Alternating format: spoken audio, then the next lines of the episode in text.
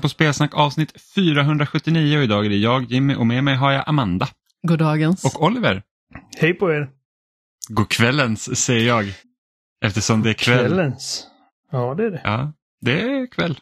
Måndag kväll så här. Dagarna innan ja, vi gifter oss. Jag tänkte säga Zelda först men så var det så här att oj då. Ja, man kanske måste sätta bröllopet högre i kurs. Man kan ju hoppas. Man kan hoppas. Fortfarande så här. Borde vi ha en så här switch laddningsstation på bröllopet för att eh, det är ganska många spelnördar som kommer dit. Det hade ju varit en väldigt kul grej om inte annat. Ja, Jag kommer inte ta med min switch till ert bröllop. Vad fan. men det hade varit roligt ändå. Som en hint, vink vink. Du vet. Ja, alla kommer dit och bara, jaha, okej, vi åker och hämtar. Det hade också varit ni- väldigt roligt att ha en spelstation uppe. Men det blir det inte. Sitter Amanda och tänker på den här spelstationen som inte existerar. Ser väldigt drömskt ut och tittar ut genom fönstret. Så, liksom så sad. Men om ni vill ställa in bröllopet och ha en spelkväll istället. Hur? Jag, jag kan viga er liksom i ett vardagsrum. 40 45 pers, nu ska vi spela Mario Kart. Ja. Det hade varit något. Så Vigas på Rainbow Road. Eller något. Amanda är tyst helt disbelief. Ja, du hon vigd i Mario Kart. mitt erbjudande. Ja, men precis. Hon bara, Åh, kan man vigas i Horizon kanske? Ni säger ju så mycket, jag vet inte riktigt vad jag ska säga. Nej, jag säger det. Chock. Jimmy kommer inte för han är fast i Zelda. Ja, men precis. Jag har en recension som ska ut. Så att, Oj, jag det, glömde. hårda jag var, deadlines. Jag, jag var i jag glömde. Jag glömde. Ja, det hade ju varit någonting. Det enda professionella uppsnofsandet jag ska göra på lördagen, det är en uppsättning. Och den kommer ta så här två, tre timmar att göra. Och då skrev jag till Jimmy innan hur lång tid det skulle ta och eh, la dessutom till att då har du jättemycket tid att ha Zelda för dig själv. Ja, precis. Jaha. Kan inte bli bättre. Vi män behöver inga två, tre timmar på att snofsa Nej. upp oss. Det tar max fem minuter att fixa håret. Alltså jag kommer ju sminka mig själv. Jag känner att jag vill inte ha en professionell sminkös som utför det åt mig. För att jag brukar liksom inte vilja sminka mig så mycket i själva ansiktet och jobba liksom inte mycket på det sättet. Utan sminka mest ögonen och läppar och sådär. Men däremot att göra en bruduppsättning, det är lite Det är för att komplicerat själv. för att göra själv. Så Ja. det kände jag ändå var värt att lägga tid och pengar på, så att det verkligen blir riktigt fint. Och eh, den frisören som jag hittade efter mycket om och men verkar jätteduktig, så jag litar till fullo på henne. Men nu hade du chansen att utmana dig själv. Då hade du kunnat göra så här Dark Souls av frisyrer. Ja, du menar att jag skulle försöka mig på det Ja, själv? precis. Jävligt svårt. Ja, det blir så himla förbannad med vägen. Ja, men precis. Ja, men det är precis så det är i Dark Souls. Och sen har de också så här, man går igenom alla stadier av sorg. Liksom. Det Precis som i Dark Souls så slutar det med att man inte har något hår. förtvivlan, förnekelse, acceptans. Det blir inte bättre än så här.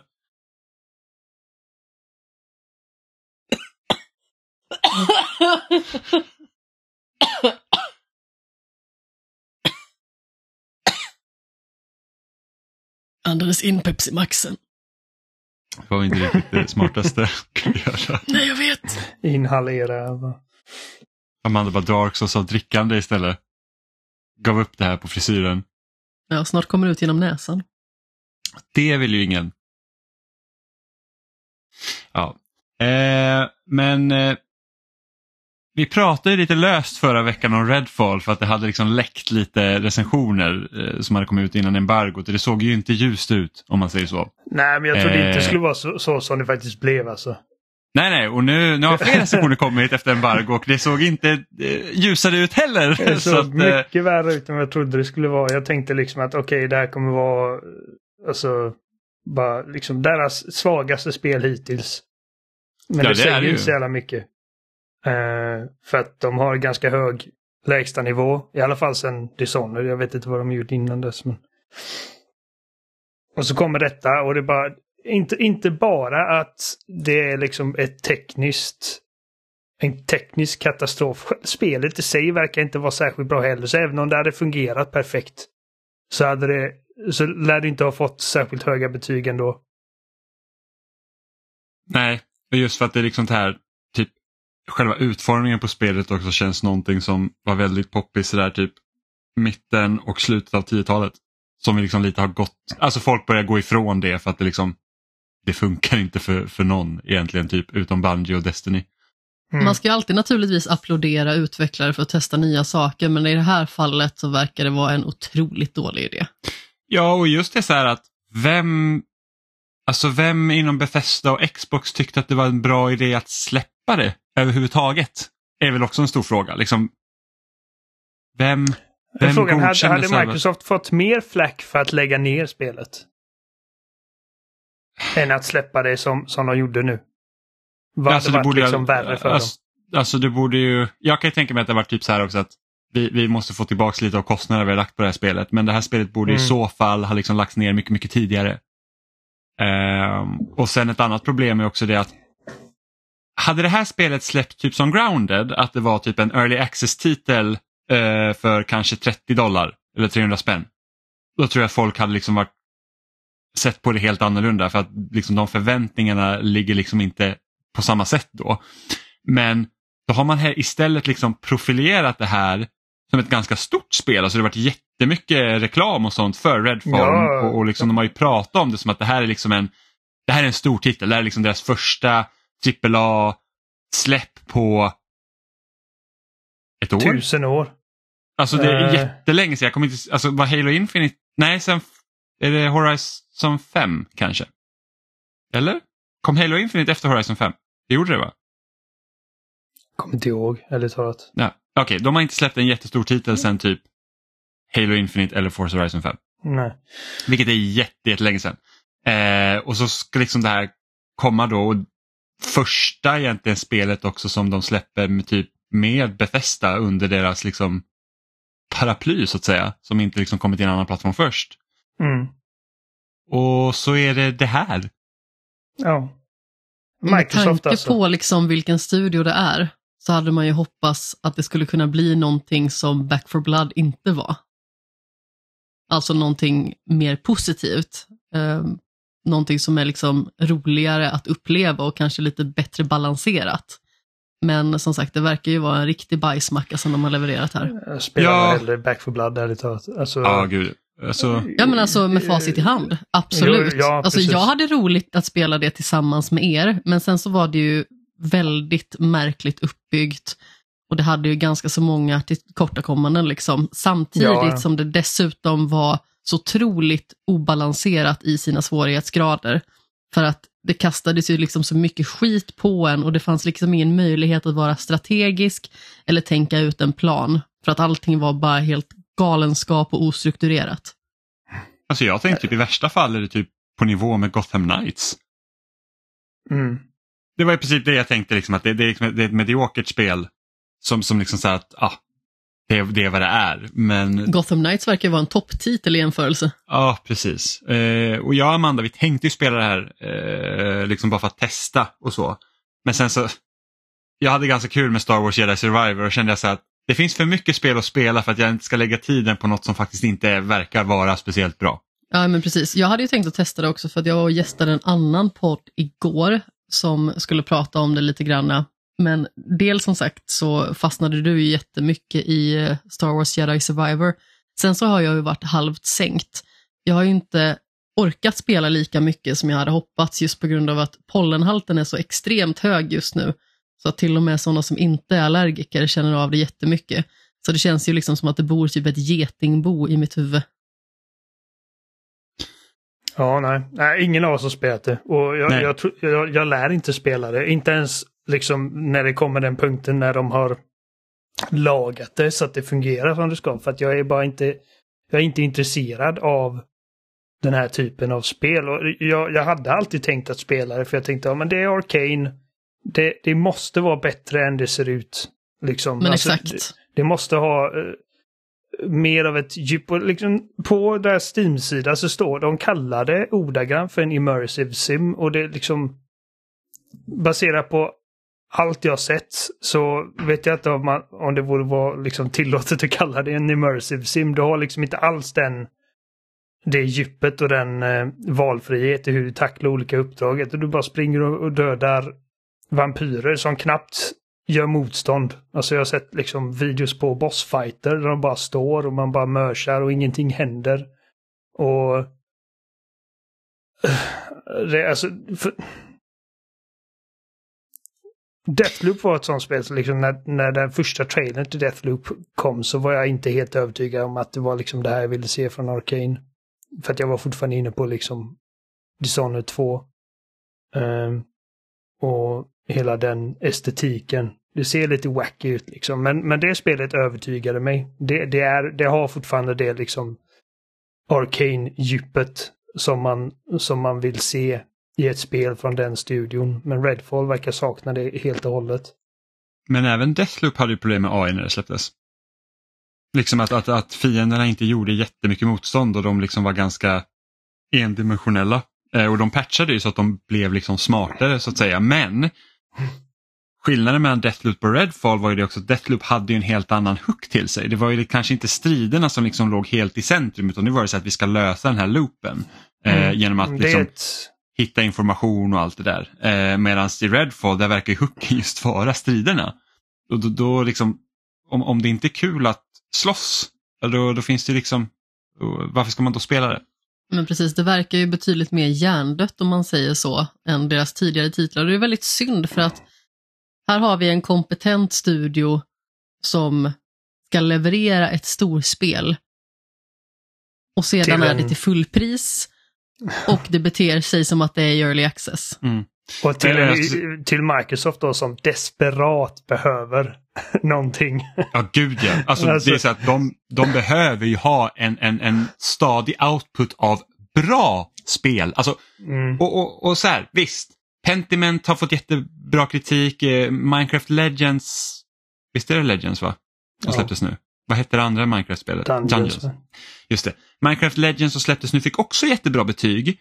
Och det är liksom, det är ju bra spel då som, som kommer liksom från Microsoft men de behöver också ha de här stora titlarna som folk samlar sig ja. kring. Liksom. Ja. Pentiment kommer inte bli liksom det här uh, spelet som säljer 30 miljoner exemplar liksom, som folk spelar för evigt. Eller, eller, liksom, eller, eller Minecraft Legends för den delen, även om det är Minecraft-varumärket som har ju chans att liksom växa och bli mycket större. Men det är liksom inte det är inte ett God of War exempelvis. Det är inte, det är inte ett Days Gone Liksom om man nu tar, nej, tar av precis. de spelen som Sony har. Och, och jag gillar Days Gone så oh, inget ont om det men liksom så att Days Gone är ju, om man tänker nu de spelen som Sony har släppt liksom från typ PS4 och framåt så är Days Gone ett av deras typ lägsta nivå och det är ganska högt. Liksom. Du kan ja. se att det är liksom, även om idéerna och sånt och det kanske inte, alltså, inte är beprövade eller att, att det liksom inte gör jättemycket nytt så kan man ändå se vart pengarna har gått i Days Gone. Mm. Eh, Medan den uppfattningen jag har Redfall det är det att, liksom att alltså, hur hög budget har det varit? Det här ser inte ut som ett spel som, som är påkostat. Eh, men de har sålt in det som att det ska ha varit påkostat. Det här är liksom nästa Arcane-spel. Liksom. Det här är från utvecklarna av Dishonored och Prey.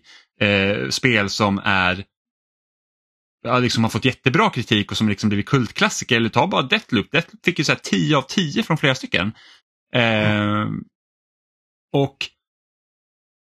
och Arcane är en kompetent studio men då undrar jag vad, vad, har liksom ledarskapet gjort bakom Bethesda, bakom Microsoft? För det är också, vi har ingen riktig insyn i hur, hur, liksom, hur mycket sköter sig Bethesda själv och hur mycket över, liksom, hur mycket liksom går Microsoft in och petar liksom i hur de ska släppa sina spel? Liksom, vem har tyckt att det var okej okay att släppa det här spelet? Är det Bethesda eller är det Microsoft? Eh, är det båda? Men samtidigt som egentligen borde inte det spela någon roll för att Microsoft är ytterst ansvarig för de äger studiorna. Och liksom så här, vad, vad håller de på med egentligen? Nej, jag vet alltså, alltså så här, att, att vi sitter, alltså du och jag Oliver, att vi sitter liksom och har typ Xboxen som huvudkonsol sen liksom 360-tiden. När liksom de senaste tio åren i princip har varit ganska dåliga. Och att man fortfarande varenda, alltså inför varenda ET tänker man det här borde vara Microsoft år för att de har ju liksom inte haft någonting. Och, och liksom vi är tio år in på den liksom ja, mer än tio år in. Så jag skulle säga, det här har nästan hänt sedan typ 2010, 2011 liksom. Så att vi, vi, är, vi är 12 år av liksom så här, vad gör de? Jag pratade med en kompis igår eh, som inte äger någon av de nya konsolerna. Och han frågade mig då eh, ifall han borde skaffa en Playstation 5 eller en Xbox Series 6. Och han sa, jag är trött, jag har aldrig gillat Halo och jag är trött på Forza. Och jag sa okej, okay, men Game Pass, eh, här subscription service, det, det är bra värde. Um, men han bara, nej men jag vill inte ha någon subscription, jag vill bara ha liksom något spel här och där om året. Jag bara, men okej, okay. då är det väldigt svårt att rekommendera en Xbox ärligt talat. Ja, men jag ehm, pratade jag med en kollega. Jag vet inte hur det ser ut om tio år liksom. För förhoppningsvis vid det laget så har de fått upp någon form av Uh, jo, men det roligaste är att vi kunde ha sagt det för tio år sedan också och ingenting har... Alltså, Okej, okay, jag kan inte säga att ingenting har hänt men liksom uh, nej, vi är fortfarande samma problematik. Det är ändå uh, en tredjedel av våra liv. Ja, Mät det på det viset. Ja, nej, jag, jag, pratade med, nej, jag pratade med en kollega idag också. Han sa att ja, men jag har alltid köpt liksom Xbox. Eh, och han hade även liksom en Xbox One. Men alla hans kompisar hade PS4. Han sa att det fanns, jag kunde inte spela med någon liksom för att all, alla gick till Playstation och så har han köpt en PS5 nu men har liksom ingen Xbox. Så det, är liksom, det är ju på den nivån. Ehm, och, och, Phil Spencer har gjort intervjuer under veckan. Liksom. Han, han, han var med i, i Kinda Funnys Xcast som är deras Xbox podcast. Då. Där de liksom diskuterade och liksom pratade om det här. Vad, vad, vad är det som har hänt? Va, va, liksom varför ser det ut som det gör? Ehm, och, och, och där pratar de ju lite om det här med alltså förra generationen Xbox One och PS4. Liksom att han, han menar ju liksom att det var ju liksom det var den mest kritiska generationen att vinna som de förlorade på grund av att digital... Den alltså. Ja, den förra precis. För, mm. På grund av att digital, alltså digitala köp av spel är börjar liksom bli normen vid den tidpunkten och att de här nya konsolerna då är fullt bakåtkompatibla vilket gör att du bygger upp ditt bibliotek och det vill du ju liksom inte släppa. Alltså det, det är säkert en anledning till att, eller jag kan säga, tala för mig själv i alla fall, det är en anledning till att jag håller ganska hårt vid Xbox och köper min majoriteten av mina spel på Xbox för att jag vill ha mina spel på ett ställe. Mm. Eh, och sen så har jag liksom Playstation och eh, Nintendos konsol liksom för deras titlar. Eh, det är samma sak, jag har ju en iPhone, jag har haft en iPhone i 12 år nu. Alltså jag kommer inte byta till Android om inte något verkl verkligen drastiskt skulle hända. För jag har ju allt min iPhone. Liksom all, all historik med liksom poddar, musik, appar, liksom allt finns på den. Så det känns liksom, det är svårare för mig att byta precis som det är med liksom, ja, nu, nu, äger jag alla konsoler så det är inte riktigt exakt samma sak men Xbox är fortfarande min huvudkonsol på grund av det.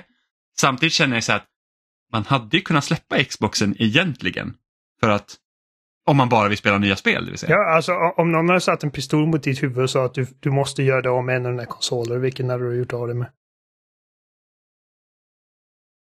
Alltså, alltså hade det varit liksom så att, ja ah, men okej, jag vill spela de nya heta spelen, då hade det förmodligen blivit Xboxen jag får med mig. Ja. Även om jag äger majoriteten av mina spel på den, den maskinen. Liksom. Men det är bara för att... Jo, men du spelar aldrig spela... om någonting. Jag hinner inte, jag hinner inte spela om så mycket. Nej, vad ska du med det biblioteket till? ja, men liksom så att, så att, så att ja. Så, så det, det är ju liksom de är ju fortfarande den här jävla tråkiga situationen och speciellt också som vi pratade om förra veckan var ju det här att nu äger de jättemånga studios, nu måste de liksom också kunna bevisa att de kan släppa spel. För det Phil Spencer sa också var ju det här att och, och det här har jag hört många, liksom så här, typ, jag har lyssnat på spelpoddar under veckan och de bara, men Starfield måste liksom vara en superhit för att typ rädda Microsoft ur det här. Och det är liksom så här att Starfield kommer egentligen inte att rädda någonting för det är Nej. ett spel det de behöver är ju en mängd spel. Precis. Med kontinuerligt, kontinuerligt kommer de här, liksom så här heavy hitters. Så att, ja, men Starfield kommer, banger, okej okay, bra, det är första spelet. Ja, det är Nästa första spel, steg. Liksom. Exakt. Sen ser vi en Forza Motorsport, kanske en banger. Ja, då har vi spel två. Men så måste nästa spel och nästa storspel, alltså storspelen då, då måste ett komma och vara bra. Mm. Precis. Och Sony har ju under en väldigt lång tid haft ett gediget bibliotek med stadiga titlar. Och precis som du nämnde med Days Gone innan, som sagt, jag avskytte lite grann på håll, jag har aldrig spelat det, så det är liksom inte baserat på någonting egentligen. Amanda agg för att jag sa att jag tyckte Days Gone ja, var bättre än Horizon. det också. Men där ser man ju hur viktigt det är att ha en hög lägstanivå. För att det genererar ju verkligen ett förtroende Ja. Och om vi har liksom bajsmacka på bajsmacka, en kanontitel, sedan en okej okay titel och så kommer kanske en bajsmacka till och sen kanske kommer en jättebra titel. Alltså det finns liksom ingen kontinuitet, det finns ingen stabilitet och då kanske konsumenterna liksom känner att det inte är värt att investera i den typen av konsol för det finns ingen pålitlighet. Man kan inte förlita sig på att det kommer levereras starka titlar till en ganska så stor investering som man gör för det är mycket pengar som man lägger på en konsol. Jag menar en Playstation 5 kostar 7000 spänn i dagsläget. Det är mycket pengar som man lägger ut och då vill man liksom också kunna använda den till mycket för att liksom göra den så lönsam som möjligt i ens hushåll. Man vill inte att det ska poäng. bara vara ett OB-bärke som står där.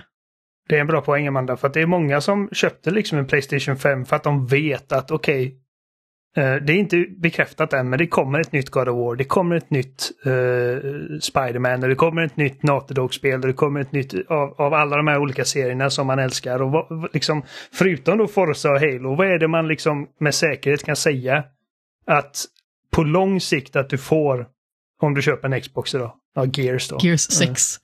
Ja, Ja. men det är så här, att, så här, och även om Halo Infinite var alltså bra, Ja. det har de ju inte heller liksom lyckats förvalta. De har inte förvaltat det väl, nej precis. Det är Nej, ett bra och- och spel läste- som de har slarvat bort lite liksom. Och, ja, och de hade jättebra momentum när det släpptes. Så det här var hörde jag i en annan podd också, en väldigt bra poäng. De släpper en uppdatering som förstör Big Team Battle, gör att det är skitsvårt att liksom spela i party med sina kompisar. Och så gick de på semester och lät spelet vara i en månad, trasigt. alltså, och så här, visst, det är skitjobbigt att arbeta med spel, folk måste ha semester, men du kan inte, ha, du kan inte ta sönder ditt live service-spel och sen låta det vara. Man Alltså, de- alltså, luften-. Och luften bara sögs ur det spelet sen dess. Det är Alltså, liksom, Ja. det, det, det är liksom, det, där ska vara liksom deras live-spel och det känns liksom, det känns mindre live än typ Halo Reach. det, Liksom, det, har, det har alla dåliga delar av ett live service-spel och typ ingen av dem bra. Jag tror att för att återgå till det du sa om Starfield, liksom när folk säger att ja, det måste vara bra. Så det, det tror jag inte att folk känner att det handlar om att okej, ifall det spelet är bra så har det helt plötsligt räddat Xbox. Utan det är mer att om det inte är bra. Ja, är Vad det det inte gör, bra, då är det ju liksom. en väldig katastrof. Men jag tycker att många lägger så stor vikt vid att Starfield måste vara bra för att ja, det är liksom, då, då, är, då är vi på rätt väg. Men det är så att det är bara ett spel. Vi vet ju Mm. inte vad som kommer efter Starfield. Hade det enda eh, Sony haft var liksom God of War, sen är liksom resten bara skräp. Så liksom, okej, det är ett riktigt bra spel, men, men det kommer man inte långt på. Och det är som man Nej. ska, det är som du nämnde, typ grejer som Pentiment och de här mindre spelen. Och det, det ska man liksom inte fnysa åt och säga att det inte spelar roll, det gör det. Men man kan inte bara leva på den typen av liksom mindre grejer. Man behöver en bra blandning. Ja, Eh, och som och får- som får folk att- blandning. Ja, och som får folk att liksom bli, bli exalterade över det som kommer. För att det är så här, Pentiment kom och det var lite så här, bara, oj det är lite weird och sen så byggdes det liksom upp under tid att det är ett riktigt bra spel och liksom att folk gillar det verkligen. Eh, eller ta typ Hi-Fi Rush som också var ett jättebra spel. Men det släpptes ju, alltså det shadow-droppade ju. Så det är liksom ingen hype som heller byggs upp kring det liksom som folk samlas runt om man nu tänker liksom för att du har fans till ditt varumärke till exempel. De, de behöver någonting som Sony ofta har med liksom deras första partsspel som att de dominerar diskussionerna online i liksom veckor efter att de släppts. Ja men Eh. precis och, det, och, och, liksom, och ja, det är jättesvårt att slåss mot Sony och Nintendo för de är väldigt starka varumärken. Men liksom hade Microsoft hållit i det de gjorde under början av 360-tiden så hade de kanske också varit där.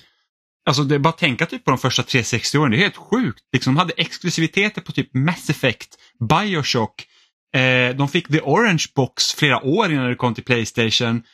Eh, de lyckades liksom knipa åt sig att Final Fantasy släpptes på deras eh, konsol som hade varit Sony exklusivt i, i, i flera år. Peter Moore Ehm. avslöjade GTA 4 med en tatuering på E E3. Ja men precis och sen hade de liksom Gears, hela Gears-trilogin, Eh, Halo var på toppen liksom av berget, eh, Forza, skitbra, Fable och liksom så här. Sen bara bestämde någon sig för att nej men Wii är så stort så vi ska satsa på familj och Kinect och sen så bara sket man i allting. Alltså bara verkligen bara droppade allt. Och, och, och, och, och det är ju det där vi är. Alltså det har ju liksom inte repats efter det.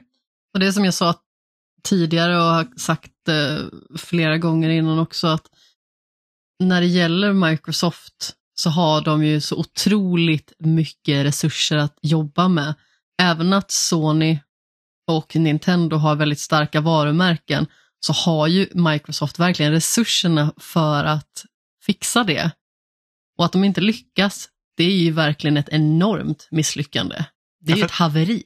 Ingen annan hade kunnat uh, göra ett försök att köpa Activision. Nej. För att de har inte de resurserna. Och sen är det också så här, och det, jag tror vi också nämnde det förra veckan, så att om, om, om det är liksom den här outputen som Microsoft har när de köper upp sina studios, liksom att vi får typ spel som Redfall då.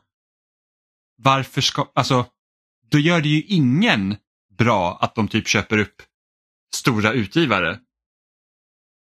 Om de inte kan leverera någonting. Precis, och varför ska vi som konsumenter lita på deras beslutsfattande när de köper upp sådana studios och det bara levereras skrutt?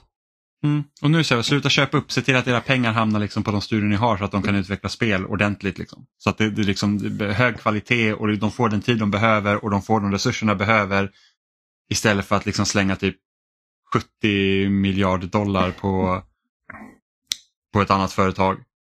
Marknaden har sett väldigt annorlunda ut idag om inte 360 gjorde så många liksom eh, strides som, som den gjorde. Jag tror att om inte 360, jag blev liksom en Xbox-spelare med 360. Samma här.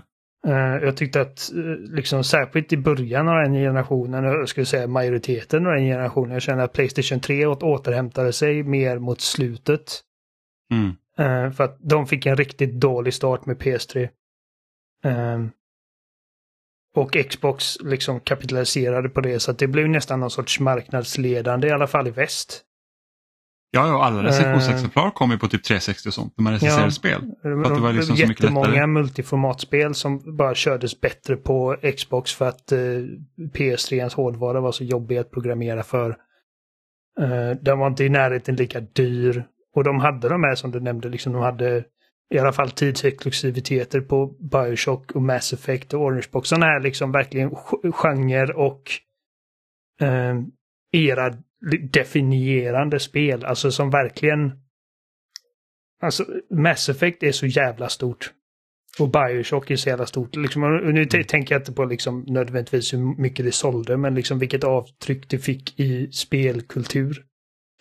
Och uh, även liksom deras mindre titlar som, som kom på Xbox Live Arcade. Ja, Braid, Live Arcade, ja absolut. Ja, Precis, de alltså gjorde Braid, så mycket Trials bra. HD, Shadow Complex, liksom sådana klassiker som man tänker liksom. Alltså de, de liksom det var några år där det liksom var fullträff på fullträff och sen så var det ju så att Microsofts titlar sålde så himla bra också. Alltså Gears 3, alltså enbart Gears 3 sålde mer än eh, Sonys första partsspel tillsammans det året det släpptes. Mm. Nej, och så det på den tiden var liksom när man träffade någon som bara hade Playstation och var liksom så här, för att de har ju förmodligen haft Playstation 1 och 2 och var liksom Sony lojala. Uh, och då var man bara, åh fan vad mycket bra grejer du missar. Ja. liksom, och du, din pissiga online-tjänst och, och liksom typ hackade PSN och allt. Liksom, det, det var verkligen, alltså Xbox var skitbra. Men jag tror att om de hade liksom fundat lika mycket då som de har gjort sen dess jag vet inte om Xbox hade existerat. Liksom, alltså... Vad...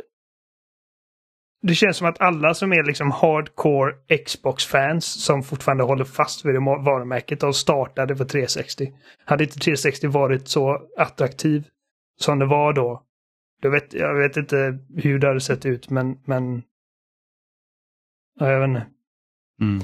I dagsläget känner jag nästan att Microsoft hade nästan eh, liksom gjort bättre ifrån sig som tredjepartsutgivare. Och det är mycket möjligt att de går den vägen också, liksom att de blir helt... Alltså, på sikt. Uh, på sikt blir liksom det så att de har game pass, liksom det är deras tjänst och sen så kan du spela den på allt. Kanske, du, du, du kanske inte ens liksom... Du har ingen Xbox längre om man säger så. Men det vet man inte. Alltså det, det beror på. Så samtidigt så kan man ju säga så att på grund av att Microsoft har gjort sådana misstag som de har gjort så har de ändå pushat bra grejer. Då. Så till exempel eh, crossplay online är ju någonting ja. som är alltså, väldigt bra. Alltså, som har kommit ut i det här. Eh, även Game Pass är ju liksom bra då för oss eh, som, som spelar mycket eh, och att man liksom kan betala en liten summa pengar i månaden och eh, spela en massa spel. Jag spelar väldigt mycket på Game Pass.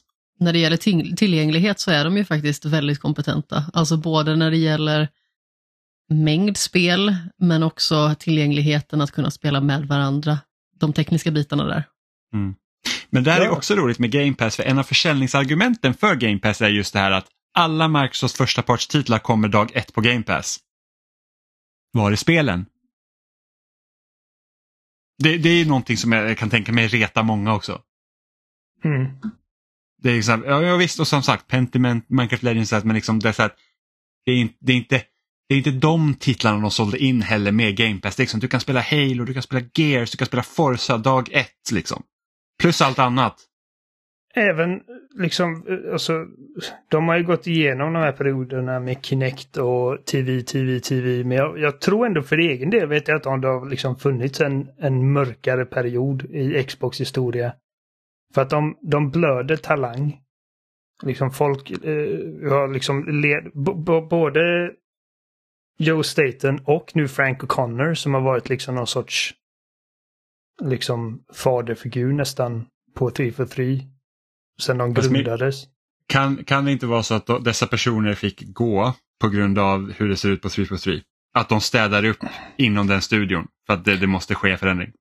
Det är ju, ja, det är ju spekulation i så fall. Det, det är ingenting. Ja, absolut. Jag, jag har ingen koll men liksom så här att Ehm, någonting brister i ledarskapet hos Microsoft för det är därför det ser ut som det gör. jo, absolut. Men som sagt, de tappar folk och eh, oavsett hur de gör det så eh, och det finns inga spel och hela den här liksom Activision-dealen och liksom vilket jävla skit det är och och sen löften om att okej, allting ni ser här kommer släppas inom ett år och sen så händer inte det. Um, de lär inte göra sådana löften för nästa showcase. Nej, men det är så dumt. Att göra det om man inte vet att man kan leverera. För, menar, Det är alltså, liksom här, De var ju nog liksom confident i det då, men, men man kan aldrig lova sånt. Liksom. nej, och speciellt inte när de typ största titlarna som visades på den, alltså den visningen är inte ute. Nej. Liksom Forza släpps i höst förmodligen. Eh, Starfield kommer i september. Eh, och sen typ om man tar liksom en indie darling som Hollow Knight Silksong vet vi inte ens när det släpps. Nu kan det ju vara så, alltså skulle de säga att de shadow-droppar Silksong den 11 juni när de har sin showcase, då är det typ exakt på årsdagen så då håller de väl det löftet då. Men liksom, det, det, det, det är liksom, ja, det är vad det är. Jag hoppas att jag hinner spela Hollow Knight innan dess. Det kommer det nog inte göra. Tycker jag att vissa ska vara snälla mot vissa. Alltså första gången jag spelade Hollow Knight stod det mig 50 timmar att dra igenom det spelet. Ja, vad är det du säger? ja, precis. Inte Har så- inte jag lagt ner 50 timmar på spel förut? Jo då, men jag har svårt att säga att du skulle lägga ner 50 timmar på Hollow Knight från fram till nu till den 11 juni. Ja, ja, men det kanske inte släpps då. Nej, nej, men om det släpps då? Jag menade mest liksom att jag hoppas att jag har hunnit spela Ja, det okej. innan det faktiskt släpps. Jag vill jättegärna spela det. När jag startade det så var det liksom i en väldigt olycklig tid i och med att det var precis brytpunkten semester och att börja jobba för några år sedan. Ja, Ja, nej, nej. det... det 11 det- juni det- var det va? Klockan sju. Vilket är ganska skön tid. För oss Ja, men det är, deras, det är deras vanliga slott. Och det är ju faktiskt ganska mycket, alltså det, det, det är ju inget E3 i år då, såklart. Ehm, men det är ju, det händer ju ändå rätt så mycket kring då E3 då. Eh, kan vi, vi kan kalla det, eller som, som jag har nämnt det de senaste åren när det inte har varit något E3, inte riktigt E3 2023 blir det då. 23. Eh, precis, så det är ju, för att det ryktas ju om att eh, Sony kommer ha sin showcase eh, i slutet av maj eller samma vecka som den 25 maj. Då. Eh, och då ryktas det om att Spiderman till exempel ska visas upp och lite sånt. För att vi vet ju faktiskt inte vad Sony har inget annat just nu i pipen som vi vet om förutom Spiderman 2 som ryktas ska släppas i september. Det är ändå en sån Eh, heavy hitter att de hade klarat sig Ah, ja. på det i år. Abs- Eh. Absolut, men liksom jag tror knappast att de bara visar upp Spiderman. Nej, nej, nej. Där tar jag ju på mig pepphatten. Ja, det blir jättekul. Och sen så har vi ju Sen har vi Xbox och Bethesda Showcase den 11 juni och sen har vi Ubisoft Forward den 12. Eh, jag vet inte om EA ska göra något i år. Eh, Nintendo ryktas de ska inte göra någonting kring eh, E3-tiden. Eh, och sen så en grej som också har ryktats nu med, med Sony det är att Konami ska ha liksom en större närvaro på deras showcase för att, det, för att de har ju vi vet ju att Silent Hill 2-remaken är under utvecklingen plus typ två andra titlar in Silent Hill och förmodligen så har, eller jag tror det är bekräftat, det är liksom exklusivt för Playstation på konsolsidan då. Eh, och det ryktas ju om att Metal Gear Solid 3 Remake under utveckling och eh, ett nytt Castlevania som också eh, Sony ska ha knipit exklusivitet till. Eh, och, och som vi vet med Sony så att de kniper inte bara exklusivitet och sätter en tidsstämpel på det utan de kniper exklusiviteten och säger att ni får inte släppa det här på någon annan konsol. Eh, för det är så de typ har gjort med Final Fantasy. Och där är ju en till grej liksom som, som liksom stärker då argumentet för att du ska köpa en Playstation till exempel. Det är just det att de, får, alltså de knyter till sig även tredjepartstitlar vilket Microsoft inte gör i samma utsträckning. Och vilket man också kan tycka liksom är bra eller dåligt men, men det känns som att Microsoft är inte så aggressiva på att knyta till sig stora titlar. Det beror på hur man ser det. Ehm, Ja, men hur, alltså, för, o- om man bortser från deras uppköp av studios som ändå inte lyckas släppa något spel.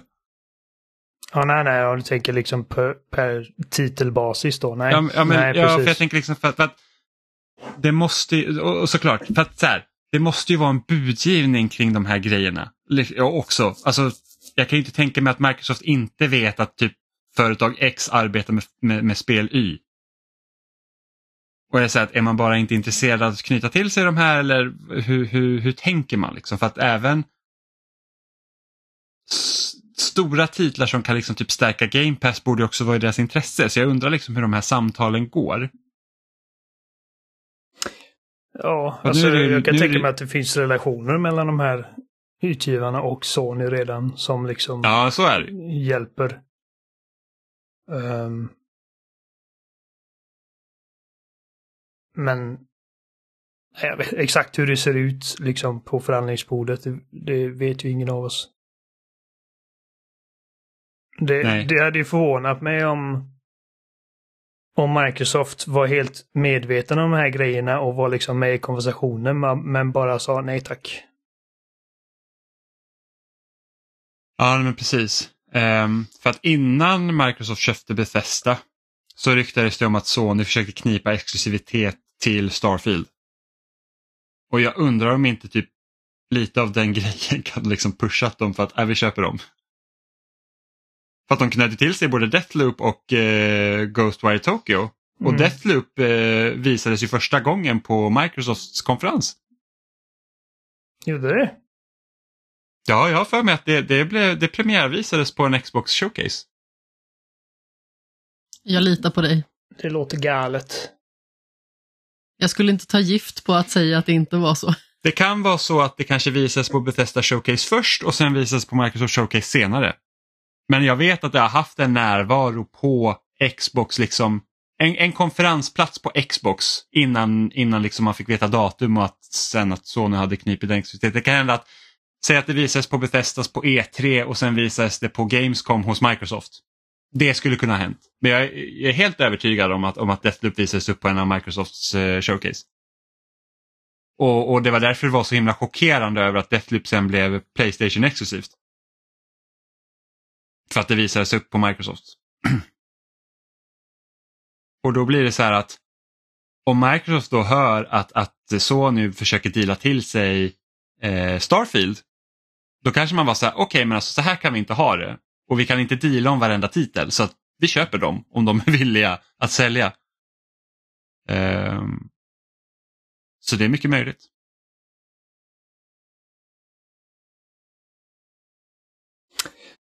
Ja. Nej, det ska bli spännande att se vad, vad de har att komma med. Ehm, fundera på vad man liksom hoppas på att se från Microsoft utöver bara... Ursäkta. Prosit. ehm, Och man säger så varje år. Och jag tycker man varje år går lite besviken från Microsofts konferenser. mm, Alltså det är Alltså- alltid så här att de visar jättemycket spel, jag kan spela majoriteten av de här spelen och kan säkert ha jättekul men det är liksom inget så här wow nej. på samma sätt. Och det är lite det man ska ha behövt. Jag är nyfiken på Machine Games Indiana Jones. För jag tänker att det är typ det som har störst chans att bli Microsofts Uncharted eller whatever. Ehm, men samtidigt så är att liksom Machine Games är verkligen Ja, Indiana Jones jag hade velat se från dem. Ja, jag hade nog nästan hellre velat se Wolfenstein 3 så de får avsluta den trilogin. Mm. Liksom, jag är jättenyfiken på hur liksom Fable kommer se ut men det är ju säkert Ja, år Fable är jag grymt nyfiken på. Perfect Dark har haft massa problem. Eh, Hellblade 2, liksom, vad händer där? Det är ju jättelänge sedan det visades upp första gången. Ja, men precis. Och då fick vi se ganska så liksom visuella presentationer. Mm. Ja, men, men liksom inget, vi vet inte när det kommer släppas. Liksom. Det har varit helt dött på hur länge som helst. Ja. Och så här, Forza Motorsport blir säkert jättekul men liksom det, det, alltså bilspel kan bara se så roliga ut.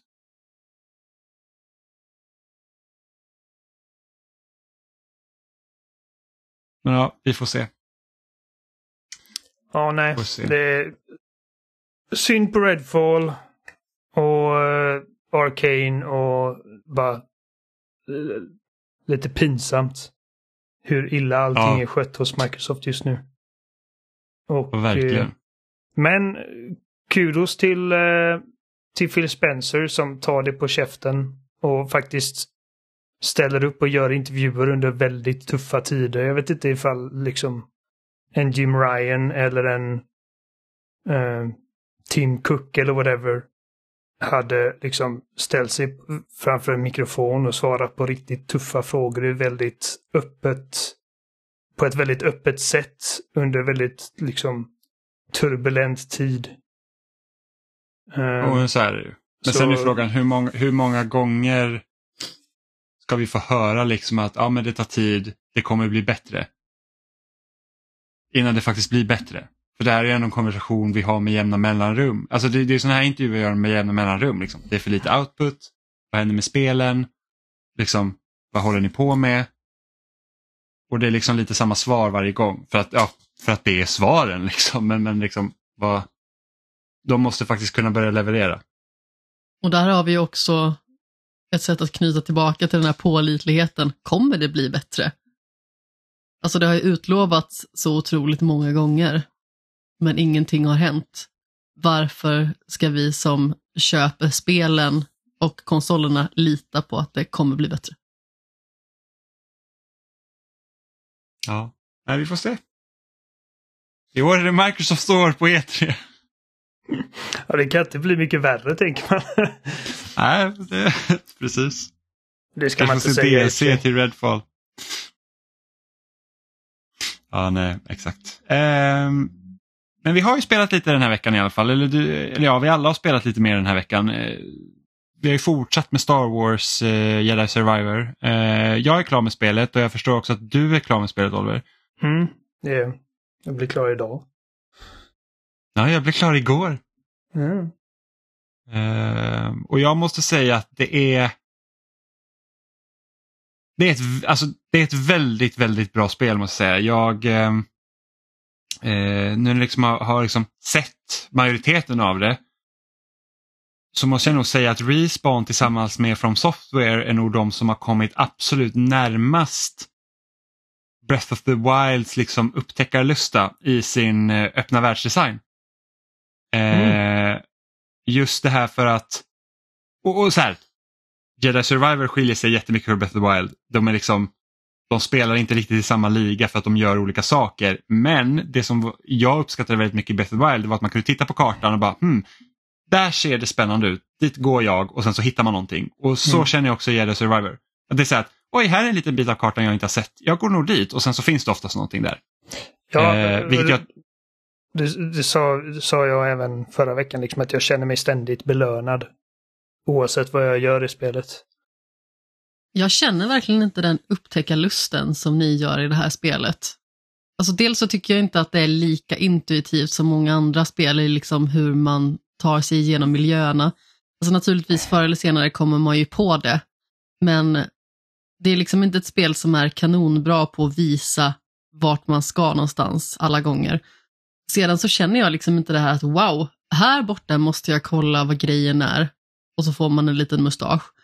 Men samtidigt som sagt, jag tycker att det ändå är ett ganska så stort uppköp i relation till det förra spelet. Jag tyckte förra spelet var ett bra spel. Jag tyckte inte att det var extremt minnesvärt och jag försökte ändå kolla på den här ihopklippta eh, återblicken då som finns i Jedi Survivor då till Jedi Fallen Order. Men den var ju otroligt tillintetsägande och berättade nästan ingenting för mig om vad som hände i förra spelet. Så där slösade jag några minuter på ingenting kändes det som. Men som sagt, det är ett väldigt roligt spel, ett kompetent spel på väldigt många vis och eh, utifrån det jag har sett av berättelsen, liksom från slutet som inte har umgått mig liksom, när Jimmy har spelat det, så tycker jag ändå att det känns som att eh, det tar en ganska så intressant riktning. Det blir liksom mörkare och mörkare i det här spelet. Och det är en ganska så stor skillnad i ton i relation till det förra. Även att det också hade sina mörka sidor naturligtvis. När jag var klar med det så bara tänkte jag för mig själv att that was some good ass Star Wars. Jag, jag, jag, jag var väldigt nöjd och belåten. Eh, framförallt med eh, hur storyn tog, tog sig. För att alltså jämfört med förra, för jag tycker att storyn i det förra spelet, den grabbade mig snabbare än vad storyn i det här spelet gjorde. Och jag tyckte att Trilla var en väldigt spännande skurk. Um, med hennes koppling till Seer och uh, hennes förflutna. Um, hon, hon, liksom, hon var inte den här liksom bara endimensionella bad guyn liksom som man kanske kan förvänta sig från viss Star Wars media. Ehm, um, Medan skurken i det här spelet liksom inte alls var lika spännande för mig. Fram till en punkt där saker och ting verkligen eskalerar och vissa avslöjanden görs och allting liksom ställs på ända och man får man kommer underfund med vad, vad spelet egentligen handlar om. Och från den punkten framåt var jag liksom helt fast och verkligen jag var ja, det, det var det var verkligen eh, inte en nailbiter men liksom jag satt on the edge of my seat som man säger. Um, Mm, ja, men det var, det var liksom engagerande. Ja. Alltså man, man känner sig det- engagerad man, man, och man säger att man bryr sig om både om Cal och de karaktärerna runt omkring honom. Precis, och det, Eh. liksom, jag blev överraskad på ett par ställen och jag blev liksom, det var, hade riktigt spännande set pieces med en liksom emotionell kärna som jag verkligen liksom, som verkligen tog mig om pungen. Ja, och, och, sen så, och, jag- och jag tycker också liksom att de, de visualiserar också konflikten med kraften på ett bra sätt. Eh, Ja.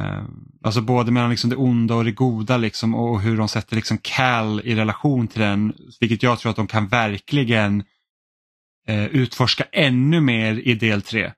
Om det blir en del 3. Vilket jag Det måste kommer det garanterat bli. bli. absolut. Eh, Det kommer ju garanterat vävas in ännu mer i resterande delar liksom av Star Wars-universet i och med att det är kanon. Ja, och, och, och sen så också är det något som jag också tycker det här spelet gör riktigt bra också att det, det är mycket mer frikopplat från, eh, från filmerna. Det är liksom inte, alltså e- ettan var ju mer knuten liksom till prequel-trilogin än vad det här är knutet till de andra spelen. Utan det, det känns liksom att det här är ett spel där handlingen utspelar sig liksom inom tidsramen vi känner igen. Men det här är liksom ändå sin egen del i det hela. De är väldigt bra på att gör- navigera det här liksom komplicerade med att hur berättar vi en berättelse med, med ordentliga stakes och där saker faktiskt händer utan att på något sätt rucka vad som händer i filmerna. Ja, verkligen. Ja men exakt, det är det som är så lurigt med att göra en berättelse som är liksom i den här tidsperioden och inte liksom efteråt. För att vi Ja. vet ju vad som händer sen. Så det är det som är det luriga och jag känner ändå att det som håller tag om min mentala pung, det är väl liksom huvudberättelsen egentligen. Sa du, hu- huvudberättelsen eller vad? Ja, jo, men precis. Mm. Det Jo, är men- liksom det som ändå driver mig framåt. Och visst, jag gör lite sidofluff också då och då, men samtidigt känner jag ändå att det är där mitt fokus majoriteten av tiden ligger. Just att jag känner kanske inte den här upptäcka glädjen på samma sätt som ni gör. Alltså jag tycker inte det är tråkigt att utforska världen, men jag känner ändå liksom inte sådär att jag drivs så himla mycket av att hitta varenda liten sak på kartan eller utforska varenda liten vrå. Jag gillar för att eh, jag gjorde inte direkt Breath of the Wild-kopplingen, men jag förstår vad, vad Jimmy menar för att Ja, jag förstår också, jag, absolut. jag, jag, jag känner liksom väldigt sällan någon form av glädje i liksom så här, traditionella open world-spel där det bara är att du liksom sätter en waypoint någonstans och så går du åt det hållet och liksom spelet kräver ingenting av dig. Medan i den här typen av spel som inte är egentligen liksom ett open world-spel utan det är mer liksom öppna områden med mycket pussel och grejer att lösa. Som i ett typ Dark Souls eller Bloodborne. Där du inte bara kan liksom, okej jag går väst och så bara går jag och går jag och går jag och så lite, lite fiender på vägen. De kanske måste klättra upp för ett berg. Men, men liksom generellt så är det liksom, de, det är mycket, de kräver mer av dig liksom som spelare. Eh, och jag, liksom, jag blir mer, ska man säga, kognitivt utmanad och liksom aktiverad. Eh, så, så där är jag med Jimmy och eh, och så, alltså, jag blev så jävla sur för jag satt och scrollade igenom och detta var liksom långt innan, jag tror det var typ fem dagar sedan någonting. Jag hade knappt kommit igång med spelet. Uh, och så satt jag och scrollade på YouTube och så dyker det upp en jävla omröstning från en snubbe på YouTube jag aldrig hört talas om, som jag inte följer, som bara dykt upp i mitt flöde. Så, där han svarar, skriver typ Vilken är den svåraste bossen i Jedi Survivor? Och så var det fyra liksom alternativ med alla slutbossarna. Nej. Va?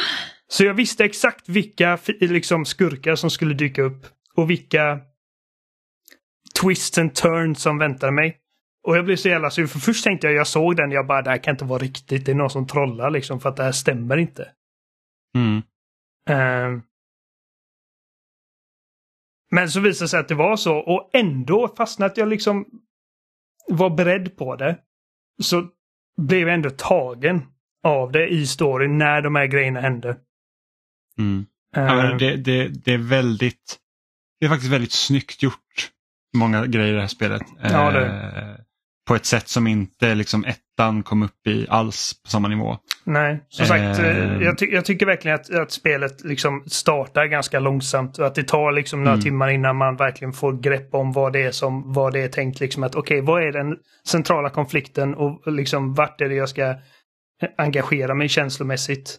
Förutom då utöver bara liksom att jag är med de här karaktärerna som jag förälskade mig i förra, förra gången. Ehm, Mm. Men när man väl kommer över den tröskeln så är det alltså det är riktigt, riktigt spännande och välskrivet och känslosamt och överraskande tragiskt i slutändan. Mm. Ja, men alltså, jag ser ju inte att det finns, och det här är ingen spoiler liksom för, för, för hur det här spelet slutar, men liksom, om, om man känner till liksom Star Wars. Det finns ju liksom, jag ser inte riktigt att Cals liksom berättelse slutar bra.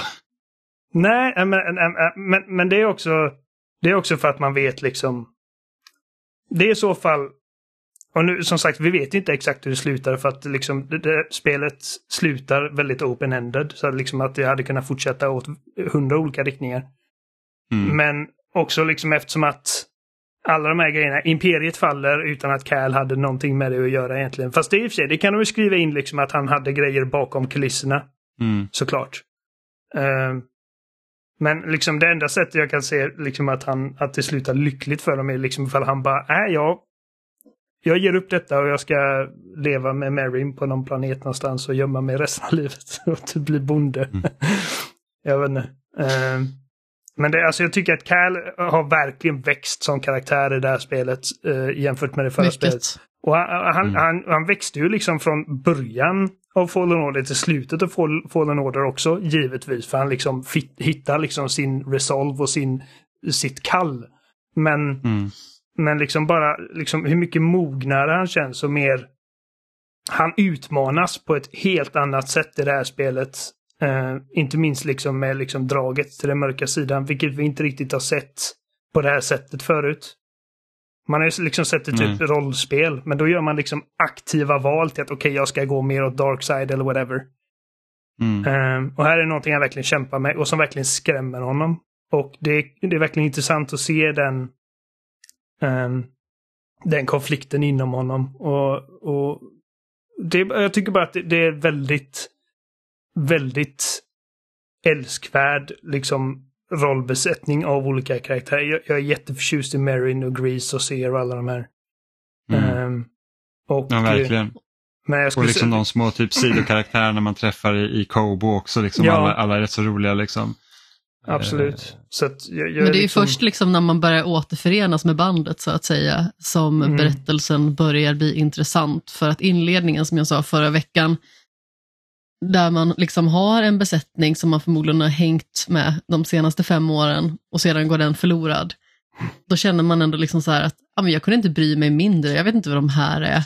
Jag vet inte varför jag liksom ska känna mig så här emotionellt dragen till de här bara för att han gör det. Nej, Det känns liksom som att spelet gör en större grej av det än vad man själv känner. Jag tror inte att liksom manusförfattaren i det, eh, i det fallet begär liksom att du och jag, spelarna, ska bry oss om de karaktärerna som Cal gör. För att alltså, Cal har ju känt dem länge, men det, det har inte vi gjort. Utan det är mer liksom som en trampolin för honom att eh, komma till den centrala konflikten. Liksom. Um, men ja, alltså det, som sagt, jag håller med. Det, det, det tar liksom en, en, en liten stund för spelet att verkligen komma igång. Och eh, i förra, förra avsnittet så sa jag liksom att jag tror att det är slutändan. Eh, när det kommer till vilket av de här spelen jag tycker är starkast så kommer det handla mycket om liksom eh, hur storyn träffar. Och jag tycker att den här storyn, när den väl träffar så träffar den riktigt hårt. Mm. Ehm, och eh, men jag tycker den här, liksom, den här storyn är ju alltså hundra gånger bättre än typ Rise of Skywalker. Alltså utan tvekan. Ja, gud ja. Och Men liksom, det är det förra spelet också. Ja, jo det är med. Men, men alltså det liksom... Det finns inte mycket som är sämre. Nej. Jag tycker att liksom de här två liksom spelen tillsammans är liksom, alltså det, det är liksom ändå filmvärdigt. eh, när det kommer till Ja, Star Wars. definitivt.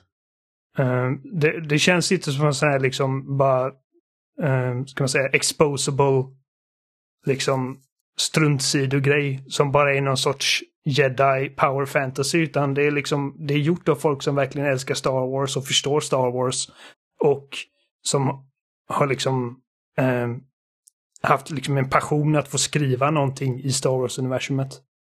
Mm. Och eh, alltså jag, jag, är väldigt, jag är väldigt imponerad för att det är, det är inte lätt att skriva bra Star Wars. Och det, och, och det är inte lätt att skriva ens liksom bra spelstories också, speciellt Nej. ett spel som är så pass öppet som det är. Eh, och där tror jag också de har liksom gjort smarta vägval, liksom att okej men spelet är rätt så öppet om du vill, men liksom de gör inte det misstaget som många gör med sina open world-spel, för de tvingar dig inte att göra massa fluff. Du kan om du vill köra huvudstoryn från början till slut utan att gå och göra någonting annat. Mm. Du Ja, ja, behöver precis. inte liksom Du- gå du inte och liksom leta efter fem grisar eller döda den här bossen liksom, som, som inte har med någonting att göra om du inte vill utan du kan köra det som ett linjärt actionspel eh, från början till slut. Och på vissa sätt så känns liksom det här spelet som typ när Assassin's Creed var som bäst. För då hade du också så att ja, men du kan utforska den här staden om du vill men du kan också liksom bara köra på och sen så kommer de här liksom set pieceserna för det, det känner jag liksom att det är någonting jag lite saknar för att i, idag är det inte så ofta du får liksom de här maffia setpisen. För att liksom det är att ja, men det här är din story, du får göra lite vad du vill. Nej, Men här är det ju verkligen så att det kommer de här, ja, men det finns ju ett ställe i spelet som är liksom verkligen så här att här var liksom typ peak setpiece liksom som var bara, alltså det kändes bara väldigt häftigt och det kändes väldigt bra att spela igenom den sekvensen. Tänker du uh, Speeder? På gädda. Ja. Uh, nej, jag vet inte om jag tänker på spel, jag tänker på den stora borren. Ja, den för, ja, ja med, med ja, Marin ja. Ja, det var riktigt ja, precis. häftigt. Och, och, och lite romantik liksom också. Ja, men liksom man satt lite så här typ att, alltså jag, eh, alltså pulsen liksom höjs, liksom typ som när, när liksom vissa grejer typ händer i Uncharted. Så man var såhär, det här mm. var liksom speciellt. Men, men, men liksom samtidigt så att jag, jag, det var inte någonting du tittade på också, du var liksom aktiv genom hela. Eh, och sen så har ju också Respawn, de tar ju verkligen tillvara på det att de kan movement väldigt bra, alltså från Titanfall, från Apex. Eh, för de förmågorna som Cal får i det här spelet gör ju så att, så att när vi pratade förra veckan då hade inte jag alls fått lika många liksom så här rörlighets... Nej, färdigheter som gjorde så att ja, men Cal känns lite klumpig. Det är liksom, man missar rätt så ofta och visst det hänger liksom kvar att, att, att plattformen liksom sitter inte till 100% Men med de här extra grejerna som man får, det bara, liksom så här, det bara höjer spelet. Ja, verkligen. Man måste, alltså, alltså, och speciellt det finns ju de här, um, det finns ju såna här olika typ uh, jedi, typ tempelutmaningar som man kan göra. Mm. Uh, och där liksom vissa är liksom rena rama hinderbanor. Ja. Och liksom bara så att ja, det här spelet hade kunnat vara ett plattformsspel för att du har liksom de här delarna här och det är liksom skitroligt att göra sådana grejer. Um, så att de, de, har liksom kört, de har liksom tagit egentligen liksom ett, ett modernt spel som det ser ut idag och, bland, och tagit liksom bra delar därifrån och blandat dem med typ de bästa delarna från typ 360-tiden med de så här superlinjära spelen och liksom satt ihop det och det har blivit liksom ett, det här spelet. Eh, vilket är liksom, äh, det, det, det är verkligen kanonbra. Så, så att gillar man Star Wars så tycker jag liksom absolut att man ska spela det, det här. Gillar man, gillar man bra actionäventyr så tycker jag också att man kan spela det här. Eh, för att du behöver liksom inte ha eh, liksom en, en, en, en, en, kandidat i Star Wars för att liksom förstå det. För att jag, jag, jag gillar Star Wars väldigt ytligt. Jag har liksom inte någon så här jättestor koll på allting. Eh, och jag tycker liksom att det här är, här är liksom, det är kanon. Respawn eh, alltså? Bara, ja. ja, men alltså de, det, de blir bättre Respawn, och bättre.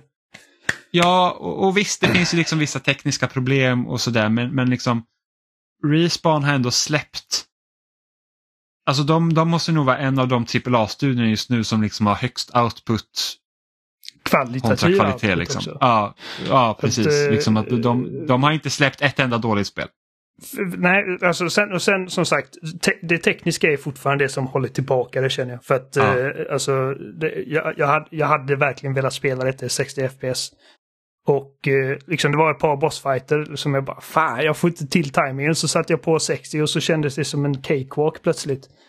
Um, och de, de, de har inte samma. För jag tycker liksom när det kommer till liksom om man bara ska se okej okay, vilket, vilket äventyr det här spelet är. Så tycker jag att det är jämförbart med någonting som typ liksom ett God of War eller ett uh, Uncharted eller whatever. Liksom det här riktigt högkvalitativ uh, actionäventyr gaming ifrån Sonys värld liksom. Uh, men de har inte samma polish som de spelen har. Uh, och och alltså om detta spelet hade varit lika välpolerat som God of War Ragnarok, alltså jävlar.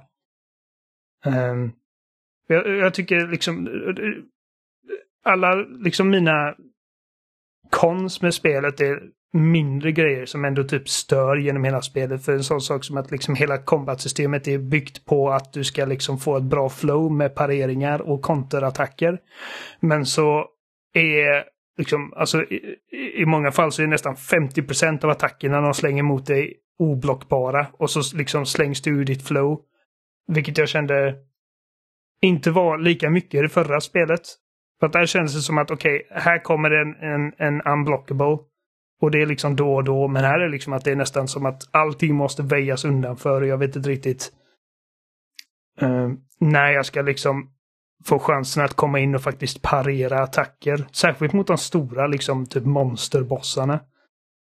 Ja, och ehm. när de blir flera stycken. För ibland så är det så att ja, men här är tre stycken fiender som nu kommer liksom bara kedjor av röda attacker på dig.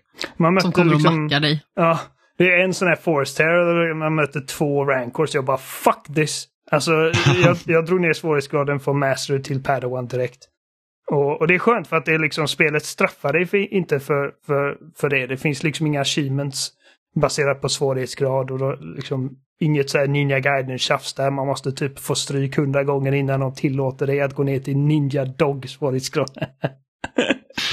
så, så, eh. som, somliga drog ner till story mode när det var lite för jobbigt. Jag bara, nej, det här, det här vill jag inte ens försöka mig på. jag tog den här Ogdo Bogdo grodjäveln.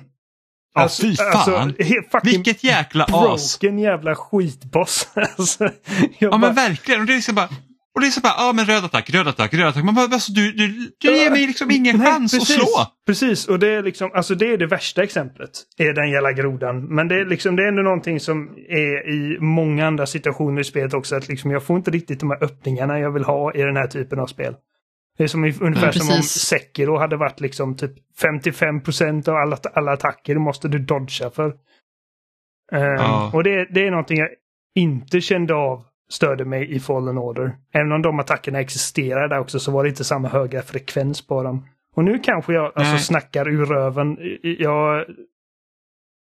Det kanske var lika mycket förra också men jag tror fan inte det. Uh, nej men jag känner, jag upplever det samma sak att Fallen Order var mer åt Dark Souls hållet. Medan det här är mer liksom åt liksom mer action.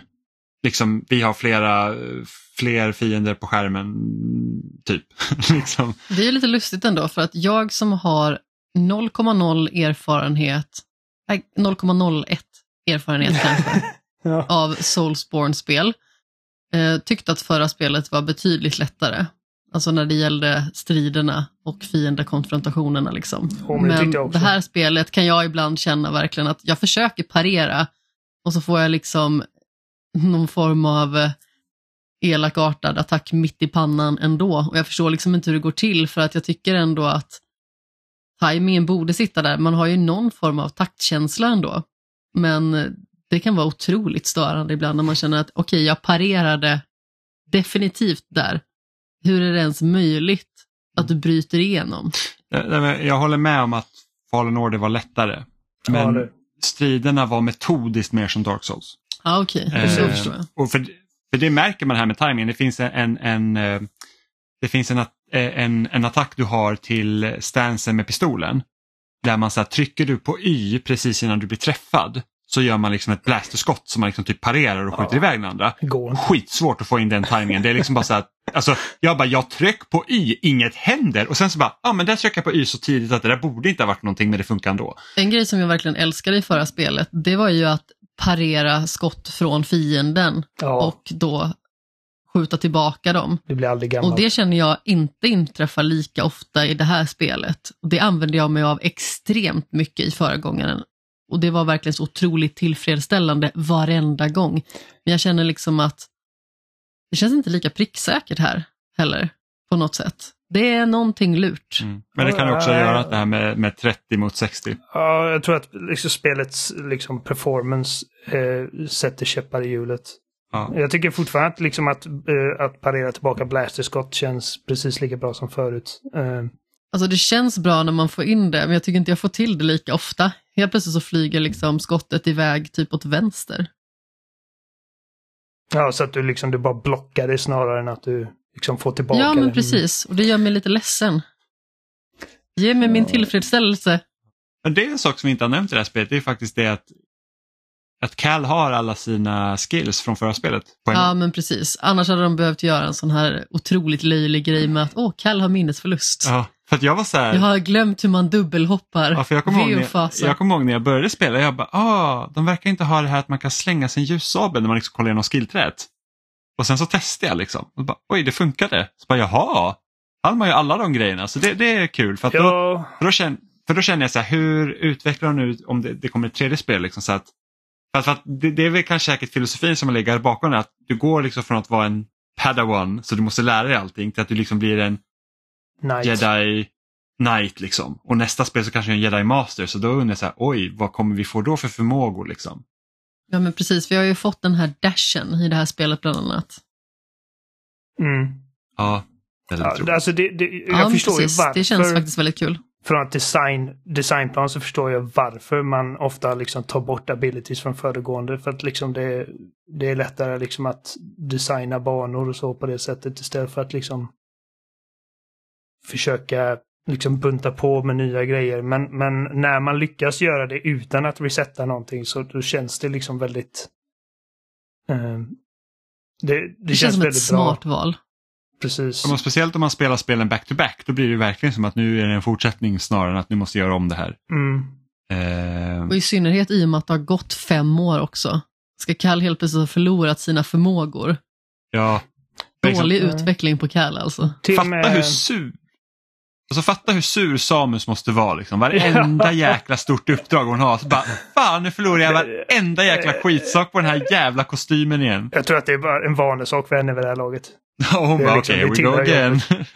ja, Eh, precis. Ja, men liksom ä- till och med liksom så här mindre ability som att han liksom klättrar så snabbt som han... För att han klättrar inte så snabbt från början i Fallen Order. Det var ju liksom en uppgradering han fick på handskarna som gjorde att han kunde röra sig mycket snabbare på klätterytor. Och det är också kvar. Ehm, men så, alltså gud vad jag önskar att man kunde ha alla liksom fem stances samtidigt. För att jag... eh, jag förstår liksom att det kan vara en sån här grej, liksom att man vill uppmuntra varje spelare att finna sin egen spelstil. Liksom. Och, Eh, men jag tycker alla fem stilar liksom är typ lika roliga och jag vill leka med allihopa inom varje liksom encounter. Liksom så mycket jag kan. Och, så det blir liksom att varje gång jag är på en checkpoint så måste jag gå in och byta. Liksom, Okej, nu har jag använt den här ett tag, nu byter jag till dual blade eller vad det nu var. Så det var liksom... Nej, jag hade verkligen velat att ha allting så man kan liksom känna sig um, så, ska man säga, mångsidig som möjligt vid alla tillfällen. Vil- vilka, vilken, vilka stances var din favorit?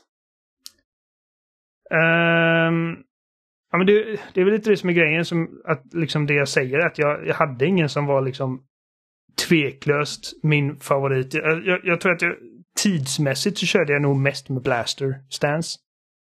Mm. Ehm, bara för liksom att man får liksom bättre range och det är vissa fiendetyper som, eh, som blir lättare att hantera när man kan skjuta Mm. dem på avstånd. Ehm, men sen typ som, alltså det staven eller sådär, ska man säga, vad kallas det, double blade. Inte den när man har Ja. en i varje utan när det är liksom, Eh, ja, utan den eh, Darth Maul. Dubbeläggat eller vad man ska säga. precis, eller- den är ju asbra. Ljusabel har ju ingen ägg. Eh, jag vet inte om man kallar det ägg. Klinga, kanske? Det låter dummare och Eh. dummare för varje gång vi säger ägg. Kling, klinga blir också lite... ljusklinga.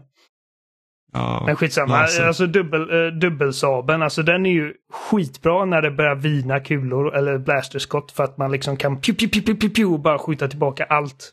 Bara genom att hålla Och inne när det kommer den. många fiender på en och samma gång. Ja, när man är liksom omringad av små svaga fiender så är den, den är asskön. Och sen har vi Ja, liksom... Eh, alltså bara single blade är alltså väldigt, väldigt balanserad och konsekvent och pålitlig. Liksom den funkar i de flesta lägen och är bara väldigt tillfredsställande. Eh, för att liksom få ner folks stamina-mätare. Ehm, och Twin Blades, när man har en i varje hand, den är liksom visuellt väldigt cool. Och eh, har liksom så här typ extra force counterattacker och man kan liksom slänga svärden så att de studsar mellan fiender och det ser väldigt coolt ut. Och så crossguard liksom när man möter upp lite bulkigare fiender så känns den väldigt bra. Så att jag har liksom ingen... Det är ingen av dem som jag, som jag känner är liksom okej den här är så, så jävla bra att, jag, att det hade räckt med bara den här stansen. Um, Nej, jag brukar ju spela med eh, double bladed eller crossguard. Kommer det ett stort as, då vill jag ha crossguard för att den har ju liksom så mycket tyngd till sig. Men Mm. sen så känner jag att double bladed är ju väldigt eh, funktionell och smidig och flexibel. Ja, jo precis. Och... Men sen så med Double Blader så är att den har liksom eh, väldigt vid attack aria och liksom det är mycket liksom träffar per sekund med den men den blir man också lätt liksom inlåst i sina attackanimationer. Medans eh, Twin Blades, jag vet inte vad man Dual Wield. Där Dual kan man liksom precis. jättesnabbt liksom cancella ut ur animationer för att blocka, vilket är väldigt bra i, eh, liksom, ska man säga, melee-dueller. Så att jag tycker liksom att alla stances tillför någonting. Jag tycker att alla har liksom en plats i sandlådan och ingen känns onödig eller eh, Eh, överflödig jämte de andra. Och det är därför jag så gärna hade velat ha tillgång till alla. För att jag, liksom, jag hade väldigt kul med alla och de fyller en roll.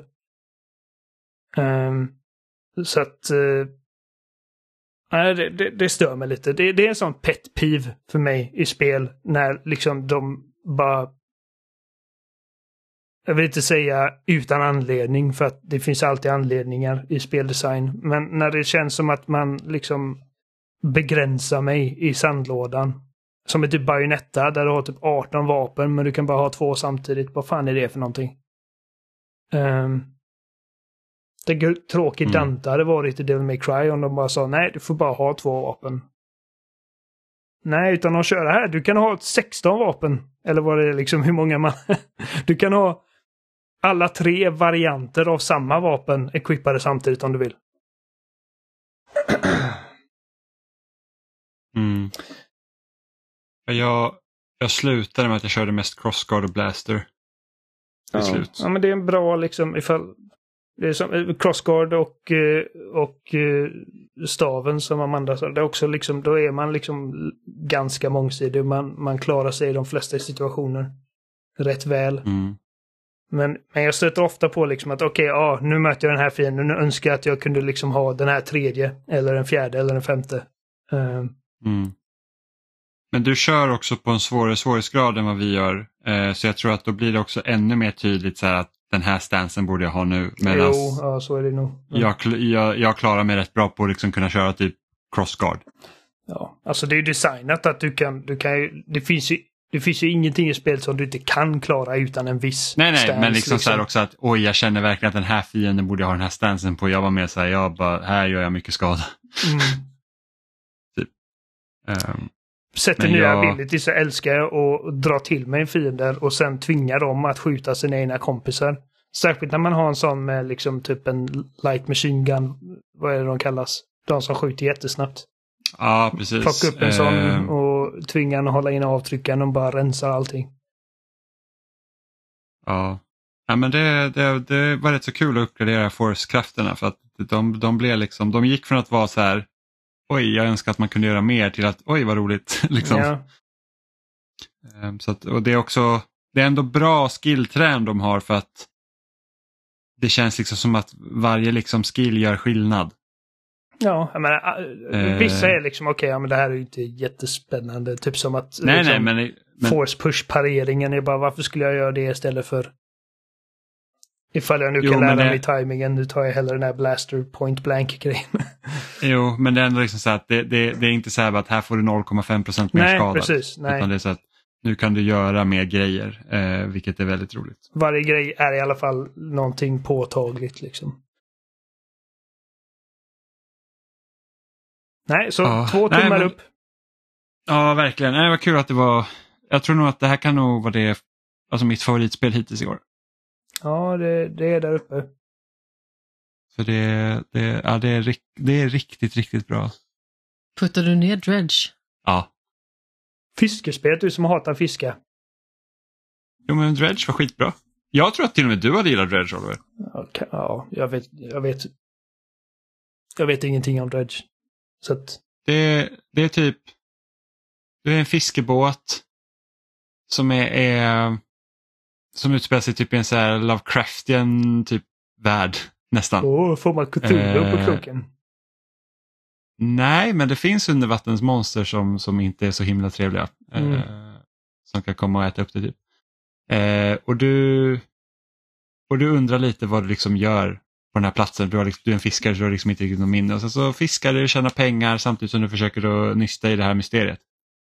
Eh, och det är lite som att man har tagit så här att ja, men, gillar man typ att segla i Wind Waker samtidigt som man kan fiska. Det är typ lite så. Ja.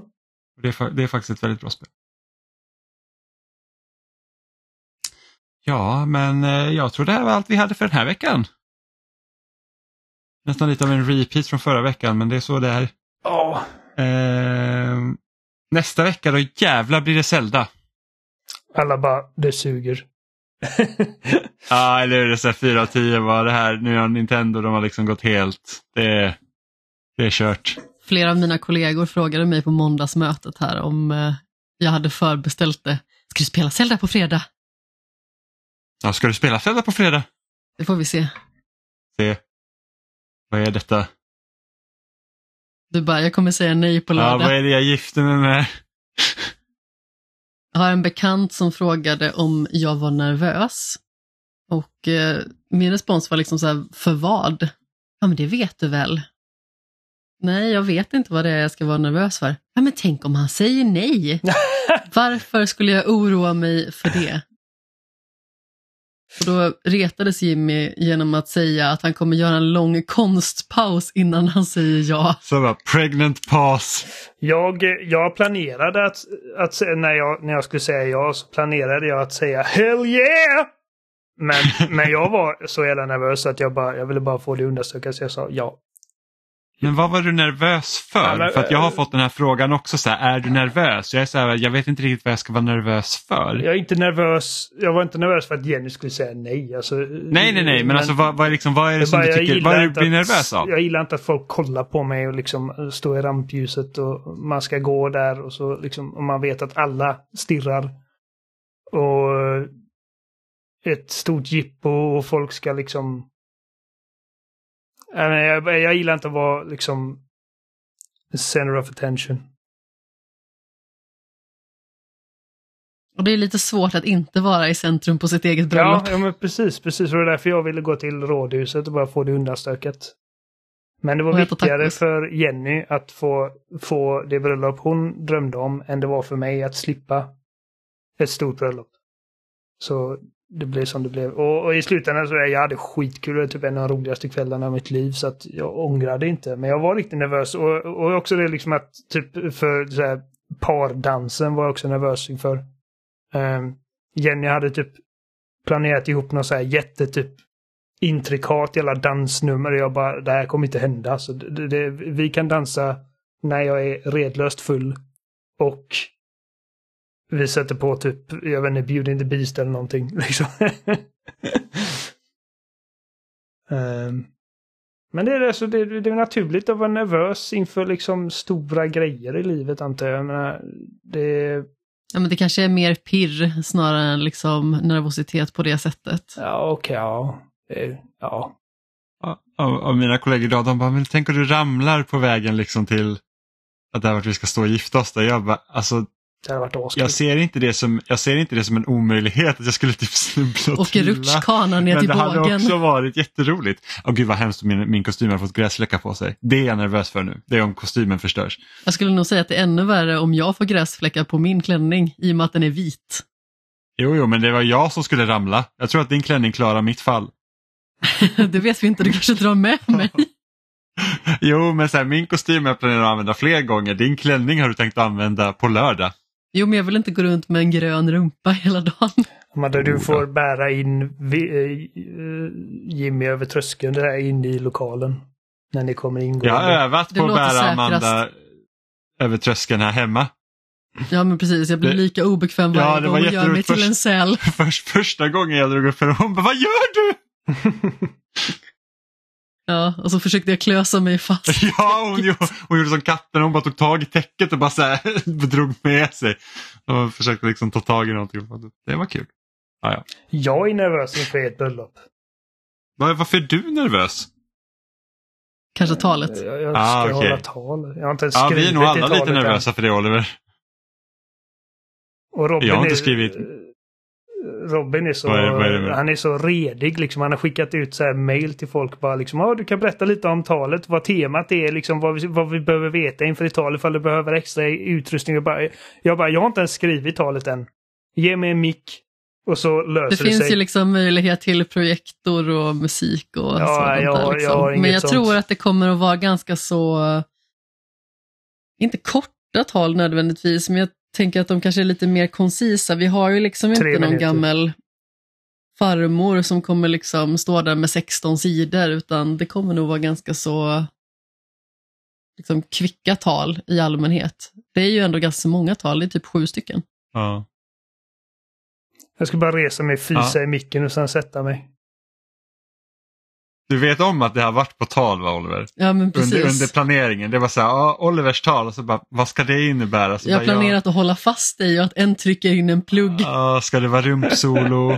vad är det liksom, vad kommer ske? Jag sa Spela Jen- rumpet. När Jenny hörde att jag hade eh, liksom skrivit upp mig för detta. Hon hon bara Åh, vad ska du nu hitta på för jävla äckligheter? Jag bara varför tror alla liksom? jag ska bara säga något fint. Jag ska inte liksom Jag typ, dra ner brallorna och, och typ runka över hela eh, Amandas familj. Jag ska bara... Ja, du, du, du, du sätter upp så här, på projektorn så slår du upp ett collage över alla toalettbilder du har skickat till mig genom åren. Ja! Nej. Mitt i middagen. Ja, det nu kommer idé. varmrätten ut och Oliver bara! Här kommer lite underhållning. Oliver fiser Mass Effect-temat. Ja. Här säger ni när jag åt ryggbiff.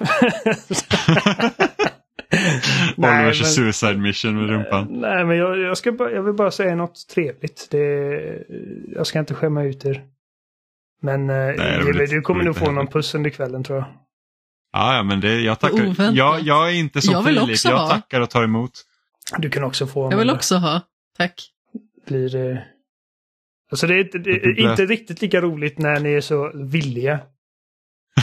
men gud, du vet hur hemskt det låter. Jag tog den mest pussa, fantastiska bara, nej nej, bilden. streta emot! Jag Jag tog den mest fantastiska bilden på Oliver och Filip på Philips bröllop. Ja, är Han är roligt. så otroligt motvillig Ja, och bara drar sig undan, och Oliver liksom håller tag om Philips huvud. Ah, det var fantastiskt jag, jag roligt. föredrar min intimitet påtvingad. Ja, jag enablade dig också, som, som ja. du sa. ja, jo. Det var inte min idé. Nej, det var nog faktiskt min. Nej, det kan du, Ja, det var det kan du ta ära eller credit för. Ja. Men också på Philips svensexa för då gjorde ju Oliver en liknande stunt när vi spelade beer pong och liksom förlorarna som skulle få skulle kyssa varandra. Ja, alla trodde jag så skojade. här- Ja, jag vet. Och sen så förlorade Oliver så han pussade Filip då också. och det var liksom så Även här, där lika motvilligt. Alltså folk var helt in disbelief. Det var verkligen så här typ att aldrig sett något liknande. Det var ganska kul. Killar som kysser andra killar. Vad är det? Vad, är, vad världen kommit till? Ja, nej men det var, det var väldigt roligt. Det, det, det blir roligt med bröllop. Det är Den inte- flugan har inte kommit till Växjö än, där män kysser varandra. Nej, nej men precis. Det, det är liksom, kebaben, kom, ja, kebaben kom dit förra veckan så att liksom steg för steg. Mm. Eh, men det är inte första bröllopet som är i år heller utan Johan ska också gifta sig. Mm. Eh, så att det blir mer bröllop i augusti. Sen är det inte många kvar. När ska Stefan och Ida gifta sig? Och Emma och Robin. Och Emma och Robin? Ja, du. Mm. Får vi åka upp till Umeå? Ja, gud. Ja, nej, men det blir roligt. Eh, men som sagt, vi, eh, ni hittar oss som vanligt på csf.com eh, och där finns också länkar till alla ställen vi finns som Facebook, Instagram, YouTube, Twitter. Eh, vi finns i din favoritpodcast-app, Spotify, Apple Podcast, RSS-flöden. Eh, ni kan surfa in på loading.se eh, och kommentera där om ni vill. Eh, det läggs upp varje vecka. Eh, vi brukar få lite kommentarer och sånt som, av lyssnare, det är alltid lika roligt. Eh, ni får gärna ställa frågor om ni vill att vi ska prata om något speciellt. Eh, ni kan också mejla till oss på kontaktaspelsnack.com eller byta ut något av våra eller byta ut kontakt mot något av våra förnamn, spelsnack.com. Ja, och så hörs vi igen nästa vecka och då kommer det bli en jäkla massa Zelda. Ja, och eh, nu när ni har lyssnat klart på det här avsnittet så kan ni, om ni inte har lyssnat på det först, lyssna på senaste Svamppodd där jag gör ett litet gästspel. Ja, Yeah! så lyssna på senaste Svamppodd om ni inte har hört tillräckligt av Amanda. Eh, och nästa vecka så är det herr och fru Seppelsten som är i, i studion Det stämmer. tillsammans med Oliver. Såklart. Ja, för, Som också har bytt Ja, precis. Som också. Oliver. Oliver. Vi har adopterat Ja, Oliver. precis. Oliver Zeppelsten Thulin. Det blir en liten, bo, en liten bonusbarn. Man vet ju aldrig vad som kan hända efter en blöt afton. Vi har ju också adopterat Martin, Ja, så nu blir de fler och fler. Jajamän. Jag Ja, det, är så här, det, är så här, som är äldre än er. det är så här vi bygger vår armé. Ni får hitta någon asiatisk unge Jag någonstans. har en liten märklig ovana faktiskt att adoptera äldre män. Ja. Det är Ja. obehagligt. Det är inte första gången. Ja, nej, Ja. precis. Det är, Hej med er! jag vet inte riktigt. Jag vet inte hur jag ska tolka det här. Puss jag är också en äldre man. Hej Vi är då. tillsammans. Hej. Ja. Adoptera mig också. Nej. En familjefest.